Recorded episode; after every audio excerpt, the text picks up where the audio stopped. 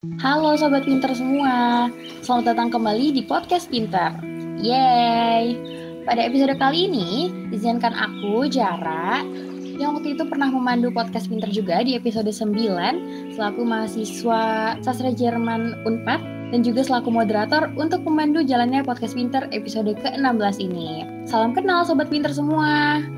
Nah, pada episode ke-16 ini, tema yang akan kita angkat merupakan sebuah tema yang sangat menarik nih.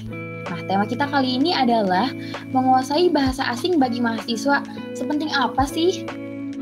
Tema ini bisa menjadi sebuah perdebatan yang cukup mendalam karena sebagian orang menganggap bahwa mempelajari bahasa asing itu merupakan suatu hal yang krusial nih. Namun, banyak mahasiswa yang beranggapan bahwa memiliki bahasa kedua merupakan hal yang diperlukan oleh mahasiswa karena dapat membuka jendela yang baru nih, yang begitu lebar juga tentunya jendelanya maksudnya di sini jendela itu berupa kesempatan ya teman-teman untuk mendapatkan entah itu beasiswa, entah itu kesempatan untuk bertukar pikiran ataupun hanya berdiskusi dengan uh, teman-teman dari luar negeri ya tentunya.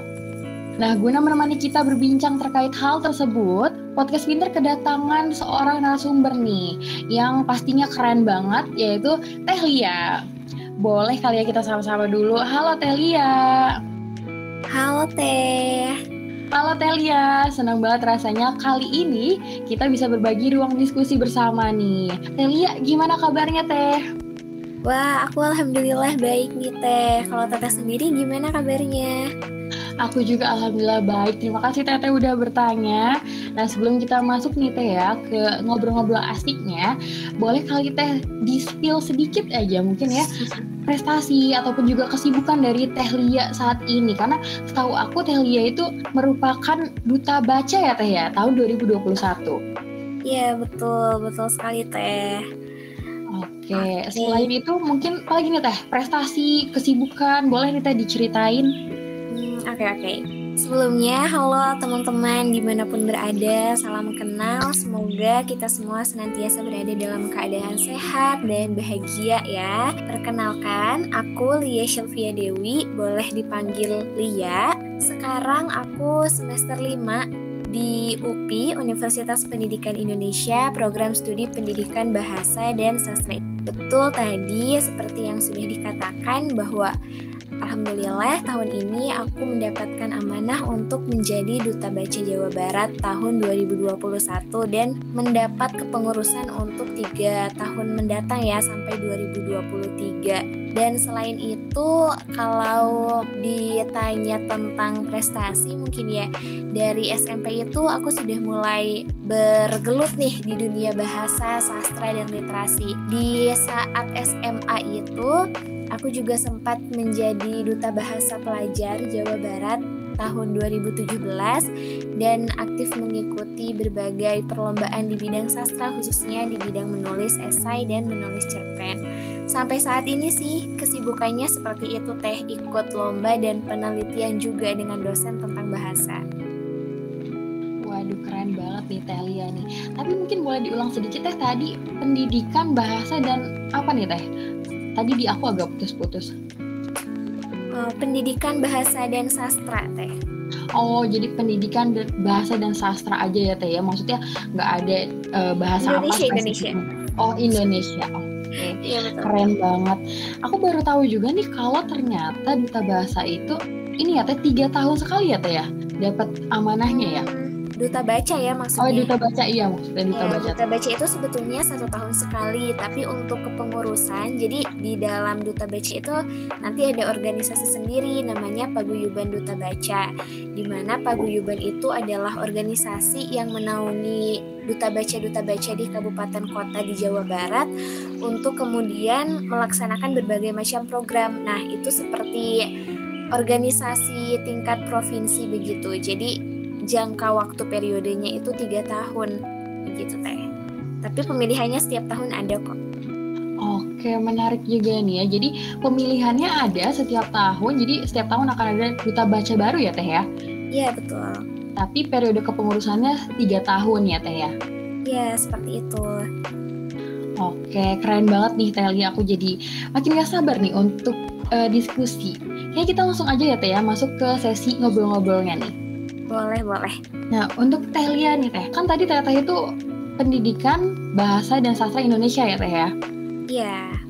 Tapi untuk bahasa asing nih Teh, kira-kira akhir-akhir ini atau uh, sekarang-sekarang ini Teh Teh tuh lagi sering atau belajar atau tertarik deh untuk belajar bahasa asing apa Teh?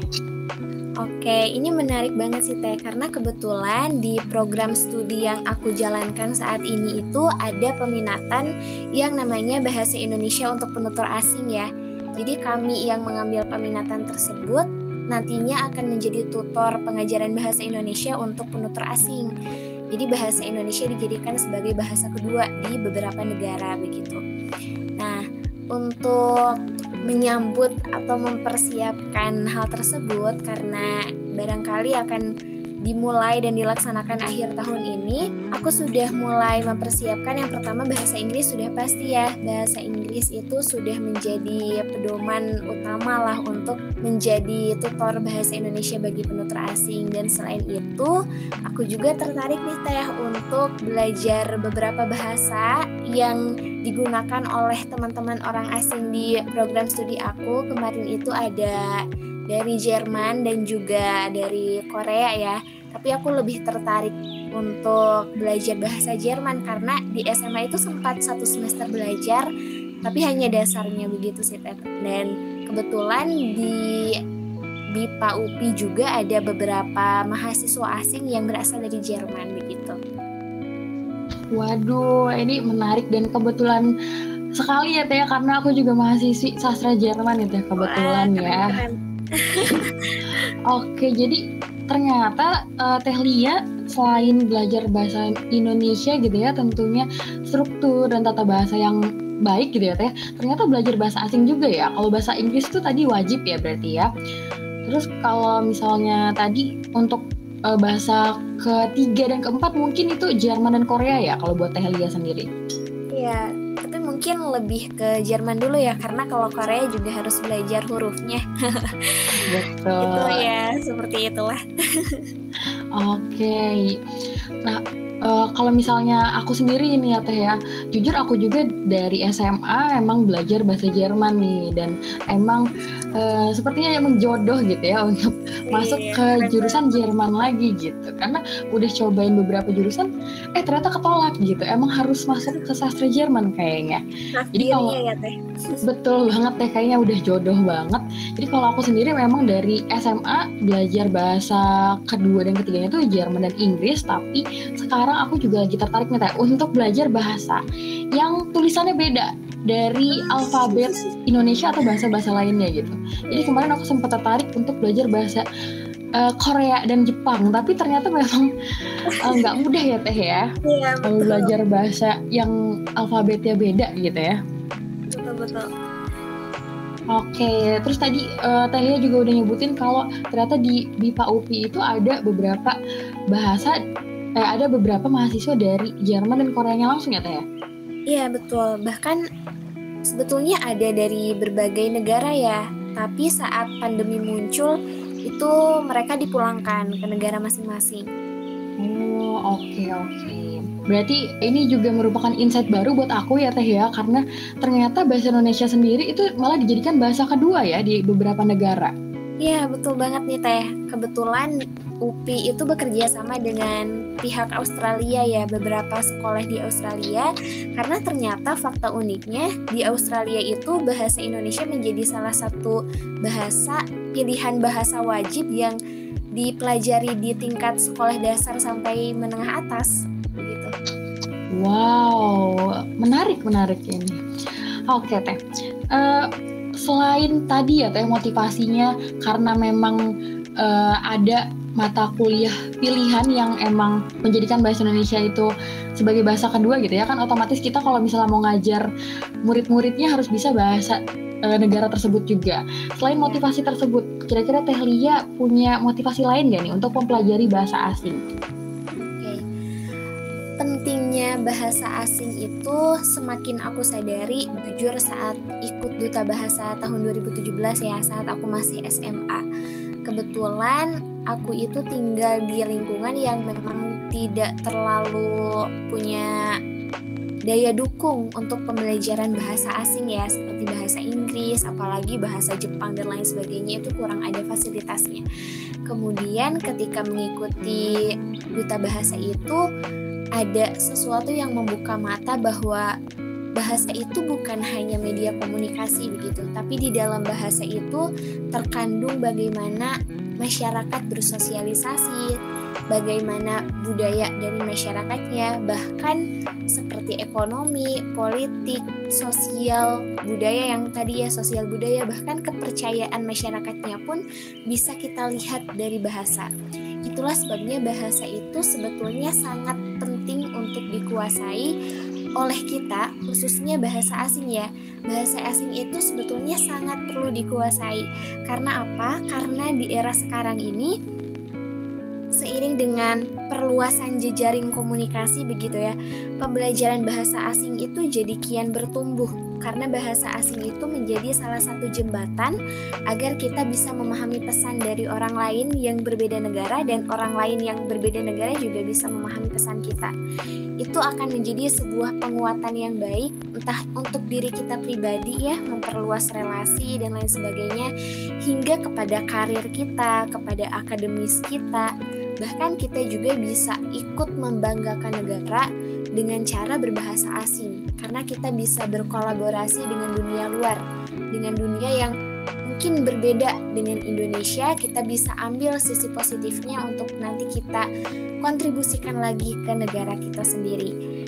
Dan tentunya melalui penguasaan penguasaan bahasa yang baik itu, bahasa asing yang baik, orang dapat berkomunikasi dengan efektif untuk mengungkapkan gagasan dan memecahkan berbagai permasalahan kehidupan. Karena semisal ya di Indonesia itu bahasanya itu ada bahasa formal dan bahasa informal misalnya. Namun tidak ada tensis untuk membedakan kata kerja masa lalu, masa sekarang dan masa depan begitu. Oleh karena itu ada yang bilang bahwa kebudayaan di Indonesia itu tidak terlalu tidak terlalu merujuk kepada waktu, tidak terlalu merujuk kepada ketepatan waktu, tetapi kepada kebersamaannya. Karena selaras begitu. Tapi berbeda lagi dengan negara-negara yang menggunakan bahasa Inggris. Mereka sangat berpedoman kepada waktu penggunaan waktu karena ternyata pembicaraannya juga berfokus kepada tensis. Namun lebih individualis. Nah, itu kita bisa kaji semuanya dari bahasa. Kita bisa melihat bagaimana kehidupan sosial dan mana yang bisa kita terapkan di kehidupan kita sehari-hari itu dengan memahami penggunaan bahasa itu sendiri. Seperti itu sih Teh. Waduh, makin menarik lagi nih Teh Lia. Ternyata bahasa itu juga bisa uh, dikaji ya Teh ya, atau merepresentasikan budaya dari uh, masyarakat penutur bahasa tersebut ya Teh. Ya? Iya betul betul begitu. Waduh, aku jadi aduh tertarik banget nih Teh. Soalnya kan aku juga sebagai pembelajar bahasa asing ya Teh, karena hmm. dari yang aku sadari juga gitu ya Teh di bahasa Jerman itu memang karakteristik orang Jerman itu terlihat Teh Nah kan, iya betul pasti. Oke, aku juga setuju banget sama tadi yang Teh Lia bilang bahwa bahasa asing itu bisa memperlancar komunikasi kita ya dengan orang lain gitu, dengan teman-teman sejawat, teman-teman sebaya, maupun juga dengan orang asing nih ya. Mungkin kalau misalnya kita ketemu di Bali atau mungkin kita ke luar negeri gitu ya. Dan ya, bahasa asing juga memperluas relasi dan juga kesempatan kita untuk mendapatkan beasiswa untuk pergi yeah. Iya. uh, ke luar negeri. Contohnya seperti Kang Fikar ya sekarang yang lagi di Hungari. Itu keren banget. uh, sangat penting ya teh ya bahasa asing ternyata. Betul betul. Aku juga setuju sih teh. Sekarang rasanya kalau misalnya hanya menguasai bahasa ibu ditambah bahasa Inggris itu kurang ya teh ya? Butuh yeah. bahasa tambahan lainnya nih. Betul betul banget Oke, nah e, dari Teh Lia sendiri nih, kira-kira tantangan terberat apa sih yang Teh Lia hadapin selama belajar bahasa asing? Ini mungkin banyak banget sih ya Teh. Teh Fazara juga pasti memiliki pengalaman lah ya sebagai pembelajar bahasa asing ya khususnya bahasa Jerman yang bahasa Jerman itu ada gendernya kan ya dibedakan kan? Begitu ya teh? Betul betul. Betul teh itu pasti ada kesulitan tersendiri karena selain berbeda pola dengan Indonesia juga pengucapannya berbeda ya. katanya sih dari pembelajar BIPA ya, bahasa Indonesia itu dinilai sebagai salah satu bahasa yang cukup mudah dipelajari karena pengucapannya sama dengan penulisannya begitu. Jadi kita tidak usah berpikir dan menghafal lagi kata ini diucapkan seperti apa dan ditulis seperti apa karena ya sudah yang ditulis yang dibaca begitu. Nah, untuk kita sendiri, untuk saya sendiri ya, belajar bahasa asing khususnya bahasa ketiga bahasa keempat, bahasa ke kelima dan seterusnya itu yang paling sulit adalah karena kita jarang sekali menemukan lingkungan yang membuat kita bisa mempraktikkan bahasa itu. Bahasa itu kan sesuatu yang natural ada di dalam otak ya. Jadi kalau misalnya tidak digunakan, dia pelan-pelan juga akan hilang berbeda dengan hafalan, berbeda dengan eksakta yang rumus-rumus yang harus dihafal dan bisa kita lihat lagi dan mungkin bisa kita ingat lagi kita gunakan lagi, bahasa itu berbeda. Makanya kecerdasan berbahasa itu sekarang sudah dinilai sebagai salah satu kecerdasan anak ya. Karena ada sembilan jenis atau sembilan tipe kecerdasan dan kecerdasan linguistik atau kecerdasan berbahasa itu ada salah satu yang setara dengan kecerdasan matematika, kecerdasan seni, dan lain sebagainya. Itulah kenapa bahasa itu memang salah satu hal yang cukup urgent untuk dipelajari oleh anak-anak secara kolektif begitu. Karena ketika kita hanya belajar sendiri, itu sangat-sangat sulit untuk mempraktikannya. Mungkin kita bisa belajar kosakata, bisa belajar tulisan, bisa mengerti dan memaknai kata-katanya, tapi dalam pengucapan atau dalam praktiknya pasti kita akan banyak keseleo istilahnya ya. Pasti bakalan bingung karena tidak ada lawan bicara. Nah itu salah satunya. Dan yang selanjutnya belajar bahasa asing itu saat ini kita terkendala oleh apa ya profesi yang kita jalani juga gitu. Karena belajar bahasa asing perlu waktu perlu tenaga perlu energi perlu pikiran juga yang bisa dibayangkan kalau kita kebanyakan tugas atau kebanyakan pekerjaan itu nggak akan fokus belajar bahasa asingnya ya pasti. Karena belajar bahasa itu ya seperti tadi bukan hanya belajar unsur gramatikalnya seperti apa tapi juga belajar budayanya. Bagaimana cara pengucapan yang baik dan benar ya. Bagaimana agar kita berucap itu sesuai dengan kondisi sesuai dengan orang yang kita ajak bicara sesuai dengan lawan bicara sesuai juga dengan topik yang dibicarakan ya. Jangan sampai orang lain bertanya apa kita jawabnya apa nah, kan yang harus dilatih dalam sebuah bahasa begitu. Jadi makna-makna yang terkandung di dalamnya.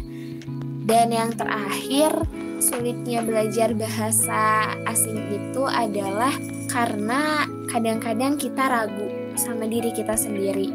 Belajar bahasa asing itu perlu sebuah keyakinan ya, namanya itu self efficacy beliefs di mana kita itu harus menimbulkan atau memunculkan keyakinan diri bahwa saya itu bisa loh belajar. Tapi itu justru yang paling sulit.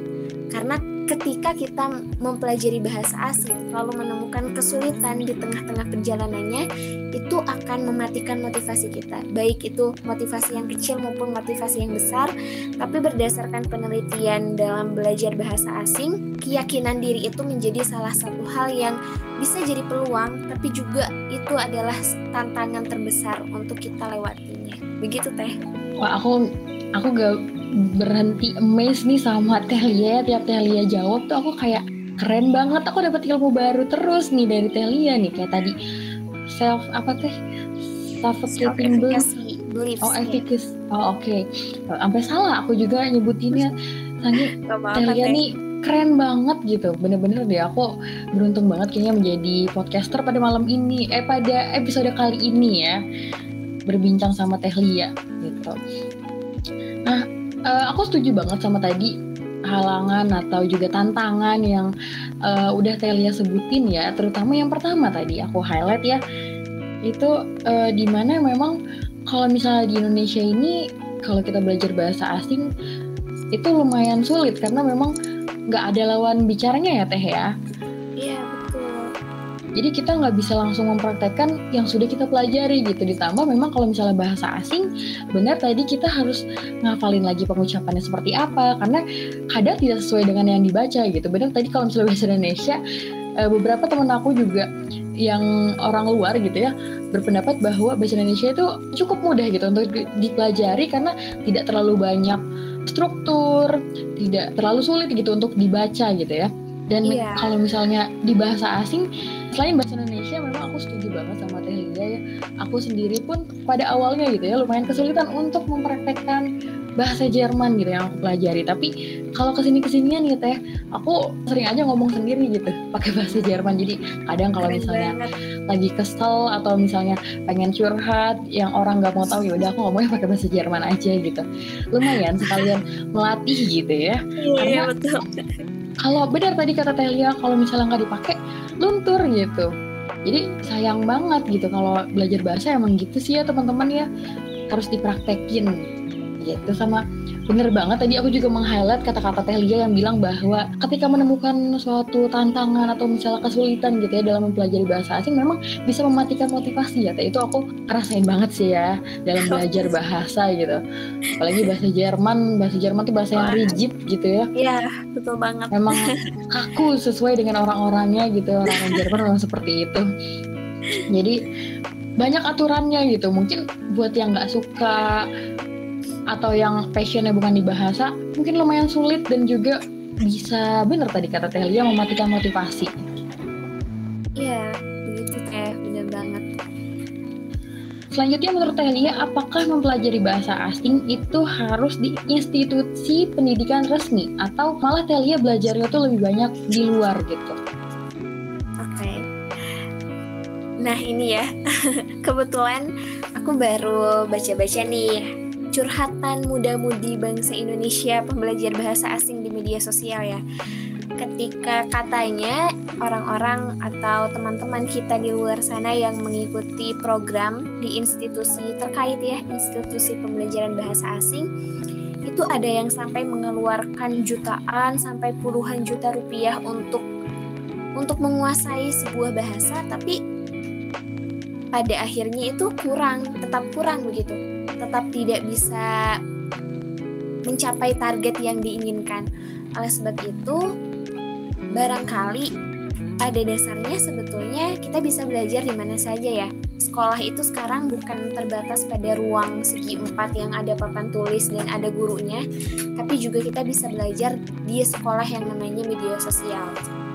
Menurut aku itu lebih lebih apa lebih efektif untuk meningkatkan skill kita di bidang pembelajaran bahasa asingnya. Kenapa? Karena penggunaan bahasa itu sebetulnya tidak selalu pada polanya ya. Kita kalau misalnya terus-terusan menghafal, kalau misalnya bahasa Inggris terus-terusan menghafal tenses, menghafal vocabulary misalnya atau menghafal idioms dan lain sebagainya itu justru nanti akan mendek gitu. Di kepala tuh hanya hafalan hafalan harus gini harus gitu. Jadi ketika dipraktekkan kita jadi aduh takut salah nih takut salah harus kayak gimana dan lain sebagainya. Tapi bahasa itu kan yang penting ya pada pada awalnya pada dasarnya yang penting orang lain paham apa kata kita kita paham apa kata orang lain dan itu sangat bisa dilatih dengan kita listening melalui media sosial melalui reading juga writing di misalnya membuat status ya atau berkirim pesan dengan orang dari luar negeri kan ada ya aplikasinya untuk kita berjejaring dengan orang luar negeri di bahasa yang ingin kita kuasai begitu. Kita bisa langsung aja nggak apa-apa perkenalan dengan dengan kosakata terbatas yang kita bisa nanti juga akan berkembang sendiri kar karena kita mempraktikannya gitu. Itu akan berkembang seiring dengan bagaimana kita berkomunikasi dengan orang-orang. Listening di YouTube juga menurut aku efektif ya karena saat belajar bahasa asing bahasa Inggris pun aku sering mendengar listening listening di YouTube gitu dan itu menurut aku jauh lebih efektif daripada mendengarkan guru mengoceh ya karena kita bisa langsung dengar pronunciationnya seperti apa, lalu intonasi, nada, gayanya seperti apa, jadi bisa praktik seolah-olah kita native gitu. Itu lebih uh, enak sih. Nah, baru kalau misalnya kita sudah merasa punya dasar yang kuat, lalu ingin mengambil sebuah tes, misalnya TOEFL atau IELTS atau apa ya, kalau di bahasa Jerman tuh ada lagi ya, dan lain sebagainya, menurut aku baru boleh tuh kita langsung fokus mengeluarkan berapa juta misalnya untuk les dan tesnya. Karena itu kan memang ada keperluan ya ada tujuan lain. Tapi untuk dasar-dasarnya menurut aku kalau belum cukup niat dan belum cukup finansial untuk di institusi atau lembaga terkait bisa menggunakan media sosial dan internet begitu. Oke teh, jadi aku muncul pertanyaan baru nih. Kan tadi Telia baca ya, katanya muda-mudi Indonesia yang belajar bahasa asing di institusi resmi itu merasa kurang puas gitu dengan hasil yang didapat gitu ya dari pembelajaran tersebut. Nah, Teli ya sebagai calon pendidik nih, karena uh, jurusannya pendidikan ya Teh ya. Menurut Telia sendiri, kenapa sih uh, hal itu terjadi gitu? Apakah uh, dari sistem pendidikan Indonesia yang memang gitu-gitu aja gitu ya.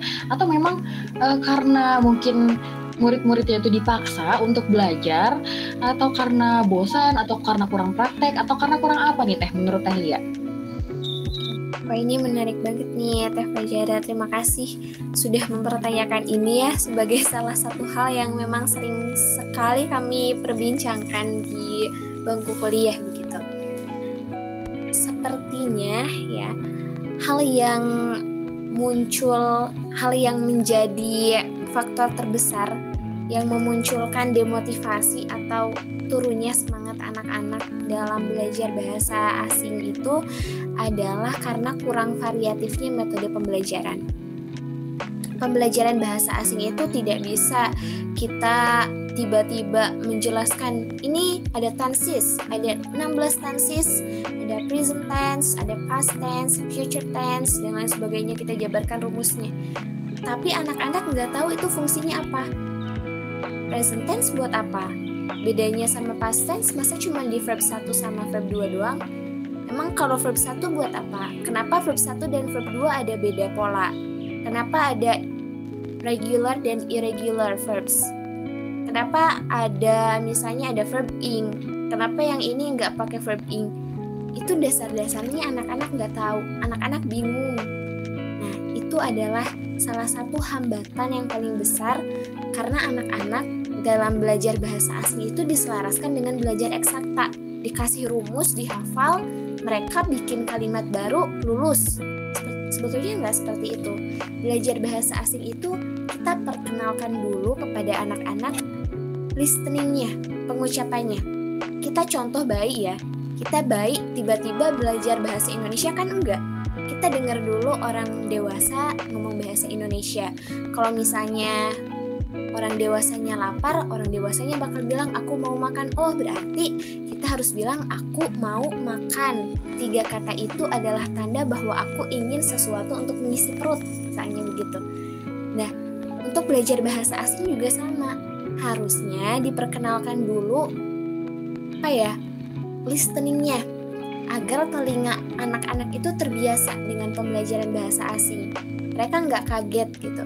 Jadi sebetulnya seharusnya sebelum belajar di institusi terkait yang benar-benar formal, anak-anak itu harus dilatih dulu pendengarannya supaya mereka familiar dengan apa yang akan mereka pelajari gitu. Jadi mereka nggak nggak awam-awam banget.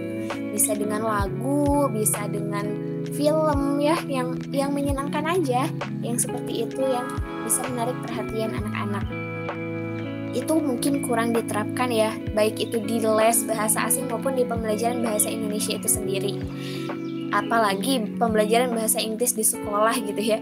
Mungkin jarang sekali anak-anak SD yang diperdengarkan dulu hal-hal seperti itu apalagi di desa-desa nih seperti di sekolah tempat tinggal aku itu jarang mungkin kalau di kota-kota sudah banyak tapi hanya beberapa sekolah tertentu yang memang guru bahasa asingnya tuh bagus gitu.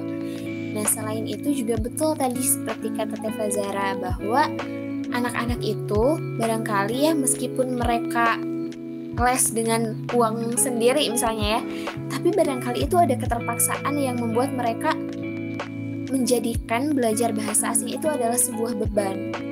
Misalnya anak-anak yang dipaksa untuk melanjutkan kuliah di mana misalnya di Cina atau di Jepang tapi mereka tidak mau atau misalnya mereka tidak tertarik untuk menguasai bahasa tersebut.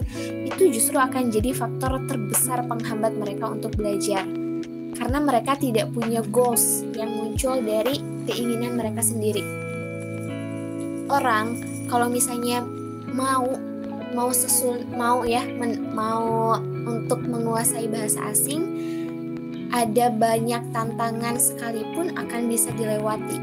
Tapi ketika orang sudah dijejali berbagai fasilitas, mendapatkan uang yang banyak untuk les, mendapatkan buku, mendapatkan guru terbaik di dunia sekalipun, kalau mereka tidak mau ya tetap tidak akan masuk. Jadi harus muncul keinginan dari diri mereka sendiri. Dan selain itu juga kalau misalnya di pembelajaran bahasa asing les-les begitu ya, justru yang paling harus ditekankan adalah gurunya itu mengajar ya dengan bahasa yang ingin mereka kuasai begitu. Tapi pelan-pelan boleh dicampur bahasa Indonesia tapi jangan les bahasa Inggris cuman tetap pakai bahasa Indonesia tapi siswanya harus tetap pakai bahasa Inggris begitu Jangan sampai seperti itu. Jangan memanjakan telinga mereka dengan bahasa yang sudah mereka kuasai, tapi coba tantang telinga, mata, dan mulut mereka itu untuk familiar dengan bahasa asing yang ingin mereka kuasai. Begitu. Begitu, Teh. Wow, wow, wow. Sekali lagi aku mengucapkan wow ya. Enggak sekali sih, tiga kali itu ya. Jadi menurut diskusi yang Teh Lia dan juga teman-teman Teh sejurusan Teh Lia lakukan gitu ya, ternyata hal tersebut salah satu faktornya adalah kekurangan metode metode pembelajaran ya teh ya. Iya. Dan juga ada unsur keterpaksaan gitu. Ini juga akan menjadi insight baru buat aku pribadi gitu ya. Karena selain menjadi pembelajar bahasa Jerman aku juga sebenarnya pengajar gitu bahasa Jerman. Jadi mungkin Hebat. yang tadi Teh Lia katakan itu bisa aku terapkan gitu ya. Bener banget tadi emang e, balik lagi ke masalah yang tadi kita perbincangkan di awal ya Teh ya. Kalau di Indonesia ini kurang banget tempat prakteknya gitu. Karena dari guru-gurunya pun ngejelasin pakai bahasa Indonesia terus di kelas juga e, kesalahan uh, atau misalnya berbicara pakai bahasa Indonesia itu dimaklumi gitu ya. Masih banyak pemakluman seperti itu. Jadi mungkin dari gurunya sendiri bisa mulai mencontohkan ya teh ya tadi ya. Tadi Telia bilang bisa dari audionya dulu gitu diperdengarkan atau mungkin lewat video yang menyenangkan gitu ya teh. Baru nanti anak-anak itu memang akan terbiasa gitu. Karena kalau misalnya kita ketemu sama bule gitu ya faktanya keluarga bule mungkin kalau misalnya uh, aku bertanya gitu ya sama orang Jerman ini pernah kejadian beneran juga? Aku nanya gitu ke teman aku yang dari Jerman gitu. Aku tanya satu grammar gitu ya. Uh, menurut kamu kenapa grammarnya kayak gini gitu? Atau misalnya kenapa uh, kalau di Jerman tuh kan bener tadi Telia bilang ada pembedaan gitu ya jenis kelamin dari masing-masing benda gitu. Dan ketika aku tanya gitu, kenapa uh, yang ini berubah jadi kayak gini gitu bahasanya. Dia sendiri pun ternyata nggak bisa menjelaskan gitu. Kenapa gitu? Ternyata memang ya seperti kita. Mungkin kita di Indonesia gitu ya bisa ngomong bahasa Indonesia dengan lancar dengan baik, tapi mungkin dalam tata bahasa kita kurang tahu gitu itu kenapa.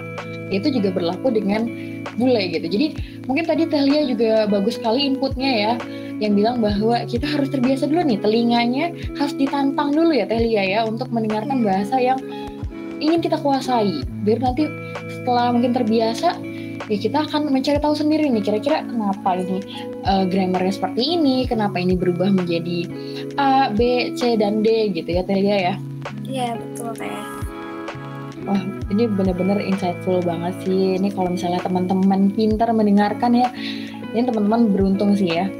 Kalau misalnya teman-teman masih mendengarkan sampai saat ini. Nah, selanjutnya nih Teh. Kan tadi aku juga udah dengar sendiri ya dari Teh Lia, ternyata belajar bahasa asing itu membuka banyak sekali peluang gitu ya. Bahkan belajar bahasa Indonesia sendiri pun membuka uh, peluang untuk kita di luar negeri ya Teh ya. Ternyata. Iya dong. Nah, apalagi ketika kita memiliki sokongan dari bahasa kedua atau bahasa asing ketiga gitu ya, Teh ya.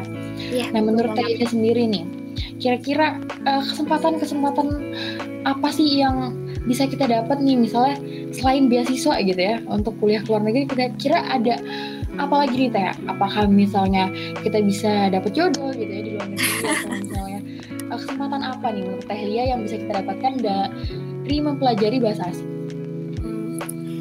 Oke, yang pertama sih pasti bisa memberikan manfaat ya dengan menjadi tutor atau guru nih seperti Teh Fajar itu keren banget tuh Teh dia jadi tutor apalagi bahasa Jerman ya. Aduh, jadi boleh lah nanti ya aku diajari. boleh boleh. Pasti keren banget nih ya. Yang pertama itu membuka peluang karir ya seperti tadi, membuka peluang karir sekaligus membantu orang lain untuk bisa menguasai bahasa tertentu. Yang kedua itu yang paling sangat sering, dua ini sangat tidak baku ya, yang paling sering saya dengar dari pengalaman orang-orang, pengalaman senior-senior itu adalah bisa juga bekerja di perusahaan perusahaan internasional sesuai dengan bahasa yang dikuasai gitu. Banyak banget bahkan teman SMA aku udah ada yang di Jepang begitu kan ya saudaranya yang sudah ada di Belanda di Italia dan lain sebagainya karena mereka menguasai zaman sekarang itu kalau misalnya kita mau berjejaring pintar aja nggak cukup tapi kita juga harus bisa menarik perhatian orang-orang di negara tersebut dengan kita menguasai bahasanya. Percuma kita pintar menguasai suatu konsep dan teori, tapi kita nggak bisa menjelaskannya kepada mereka itu akan mendek aja kita doang yang paham gitu. Tapi mereka nya enggak. Nah dengan menguasai bahasa asing kita akan sangat bisa dan sangat berpeluang untuk mendistribusikan ide-ide dan gagasan kita di perusahaan luar negeri untuk kemudian kita kontribusikan lagi nih ke negara kita gitu. Nah selanjutnya kalau boleh diceritakan dari sudut pandang pribadi ya, belajar bahasa asing itu juga bisa turut mempromosikan bahasa Indonesia dan kebudayaan Indonesia di luar negeri. Untuk BIPA sendiri sih sebetulnya tidak hanya difokuskan untuk lulusan-lulusan bahasa di pendidikan ya, di maksudnya di prodi pendidikan begitu. Tapi untuk bahasa murni, sastra murni, bahkan di jurusan luar bahasa pun jika memang tertarik untuk memberikan pengajaran bahasa Indonesia di luar negeri, itu barangkali bisa jadi bahan pertimbangan untuk dikirimkan atau bahkan mengajar mahasiswa luar negeri yang ada di Indonesia begitu. Nah, dengan kita bisa menguasai bahasa asing tersebut, kita pastinya akan bisa mempromosikan dan memperkenalkan bahasa Indonesia dan kebudayaan di Indonesia. Dan itu akan jadi salah satu aspek untuk mendukung bahasa Indonesia menjadi salah satu bahasa utama di ASEAN dan menjadi bahasa delegasi bahasa utama untuk PBB ya. Karena sekarang sedang diajukan dan sedang digencarkan begitu pembelajaran bahasa Indonesia kurang lebih ada hampir 80 negara yang saat ini sudah mempelajari bahasa Indonesia dan terus dibuka begitu ya khususnya di universitas-universitas. Nah, ini akan sangat potensial bagi kita yang menguasai bahasa asing selain bahasa Inggris ya. Karena banyak negara pembelajar bahasa Indonesia itu juga tidak menguasai bahasa Inggris seperti India, lalu Italia itu jarang kan yang menggunakan bahasa Inggris ya. Kecuali di daerah seperti daerah da, negara seperti Belanda, Inggrisnya sendiri, Singapura, Australia itu yang memang menggunakan bahasa Inggris. Kita yang bisa bahasa Inggris mudah untuk akses ke sana. Tapi untuk yang bahasa Jepang, misalnya Korea dan lain sebagainya yang mayoritasnya saja tidak terlalu menguasai bahasa Inggris, ya kita dong yang harus belajar bahasa asingnya untuk keperluan negara kita sendiri gitu. Jadi nggak akan sia-sia. Dan selanjutnya belajar bahasa asing itu juga akan membuka apa ya nilai-nilai akademis dan kognitif kita karena sejujurnya buku-buku di Indonesia ya jurnal penelitian dan lain sebagainya di Indonesia itu masih cukup kurang untuk dijadikan referensi pengetahuan. Nah, buku-buku yang bagus itu biasanya didistribusikan berbeda ya per bidang. Misalnya ya, kalau linguistik itu lebih banyak linguistik itu lebih banyak ada di Belanda kalau tidak salah ya. Sumber-sumbernya itu banyak sekali. Bahkan linguistik Jawa dan Sunda pun banyak yang sudah dialihkan ke dalam bahasa Belanda akibat penjajahan dulu. Nah, kalau misalnya kita menguasai bahasa Belanda, kita akan bisa mengungkap fakta-fakta akademis yang barangkali tidak bisa kita temukan dalam bahasa Indonesia. Dan itu pastinya akan sangat berpeluang bagi teman-teman yang pengen jadi peneliti atau pengajar atau yang yang bekerja di bidang antropolog dan lain sebagainya ya. Karena itu akan jadi aset besar ketika kita menguasai bahasa asing untuk mengungkap fakta-fakta terselubung yang tidak bisa didapatkan di bahasa kita sendiri. Begitu teh. Dan banyak lagi sih sebetulnya. Hanya saja yang bisa disampaikan mungkin seperti itu.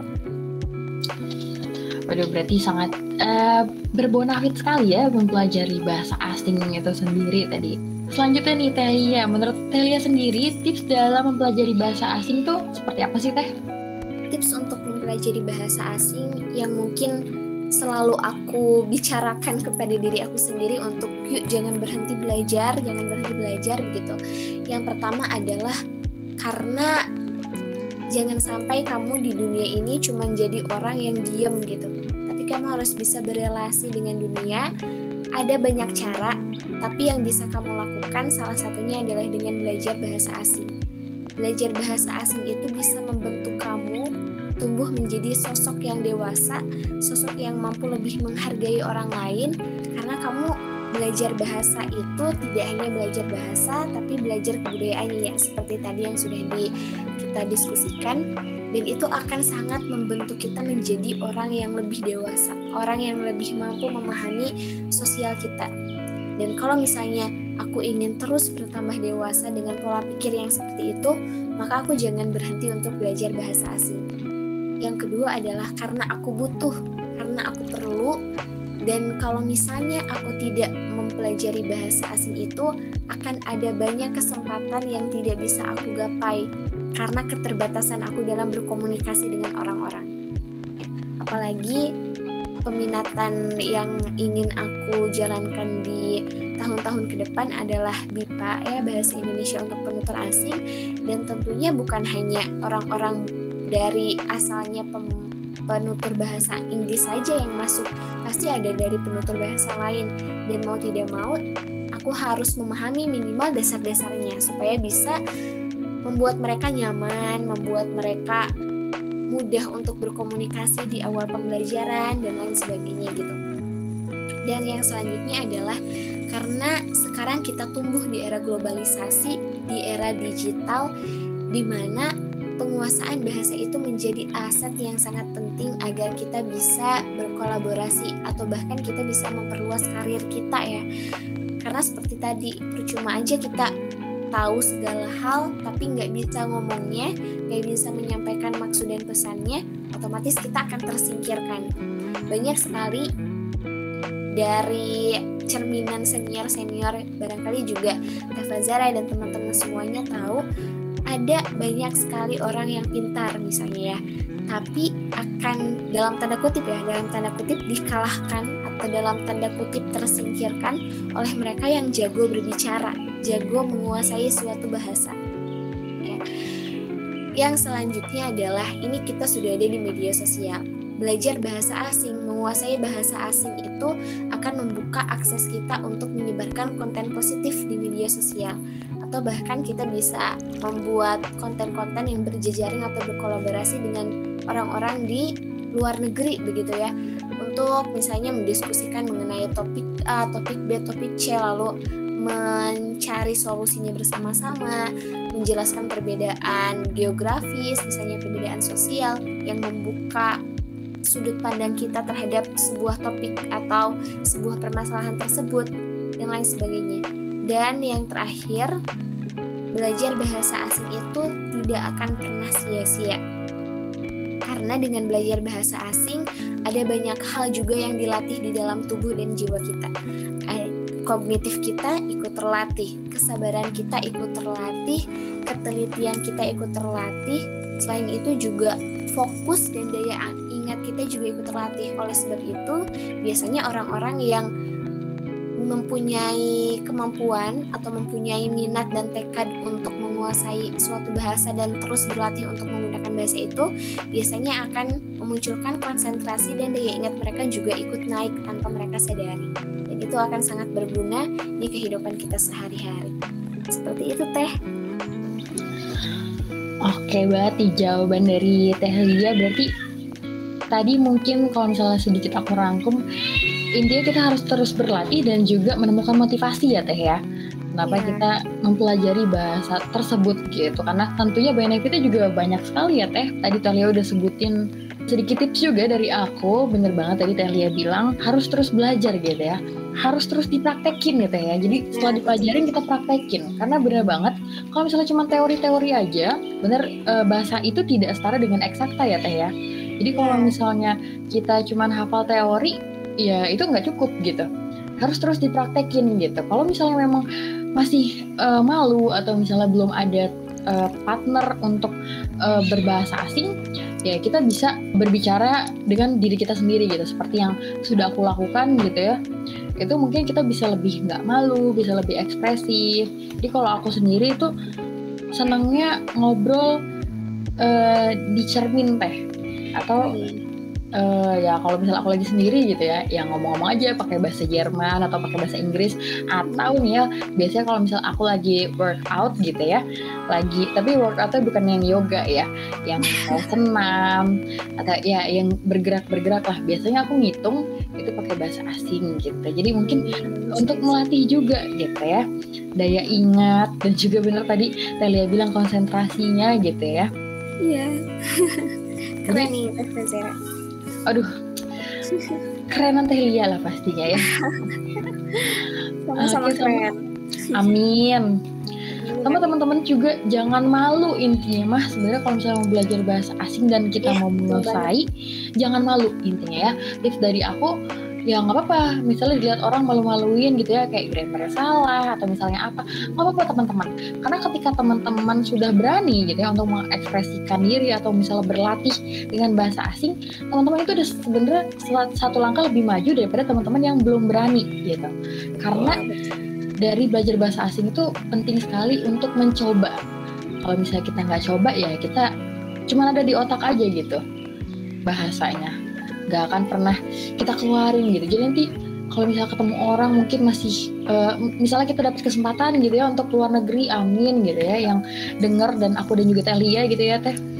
Hmm, amin. Jika kita nggak terbiasa gitu untuk uh, mempraktekkan bahasa tersebut ya akan deg-degan juga dan akan sulit juga gitu pada akhirnya. Hmm. jadi uh, tips dari aku udah guys beraniin aja nggak apa-apa. Malu-malu dikit mah pada awalnya nanti juga jago kok gitu karena ada peribahasa yang bilang fake it till you make it jadi kalau misalnya emang hmm. belum bisa ya nggak apa-apa ya pede aja dulu kita bisa bisain nanti lama-lama juga bisa gitu tuh banget nih teh keren keren Amin. Telia bilang keren mulu aku jadi malu nih teh ya. Karena memang sih. amin amin semoga uh, aku Telia dan kita semua yang dengar itu jadi orang keren deh ya. Amin. Oke Telia, sebelum kita uh, menutup nih ya, ada closing statement nggak dari Telia Teri? Oke, untuk closing statement sih ya seperti tadi ya, untuk teman-teman yang saat ini sedang belajar bahasa asing atau mungkin baru kepikiran, baru ada niat untuk belajar bahasa asing, dilanjutkan. Motivasi itu harus terus dibangun karena belajar bahasa asing itu adalah sesuatu yang akan jadi kunci keberhasilan teman-teman nanti.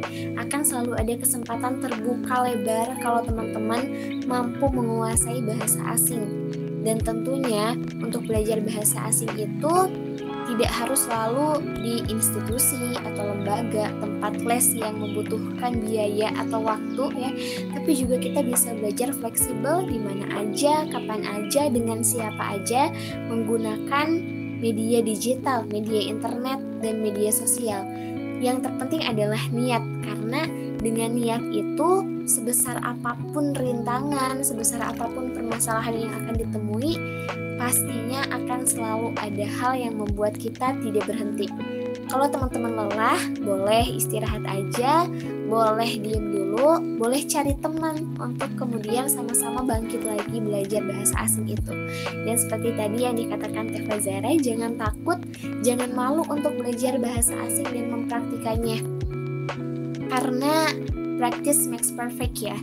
Sesuatu yang kita praktekkan itu justru yang akan menyempurnakan kita dan kalau misalnya orang bilang ih sok-sokan atau ih ini masih anggap itu sebagai sebuah apa ya sebuah batu loncatan sebuah kritikan supaya kita semua itu tetap jadi orang yang mau belajar orang yang terus belajar dan juga kalau misalnya teman-teman itu memerlukan hal seperti fasilitas lain untuk belajar bahasa asing jangan ragu untuk menabung, jangan merasa sayang mengeluarkan uang untuk mengupgrade diri teman-teman ya khususnya di bidang bahasa karena justru itu yang akan membuka kesempatan kalian di kehidupan berikutnya.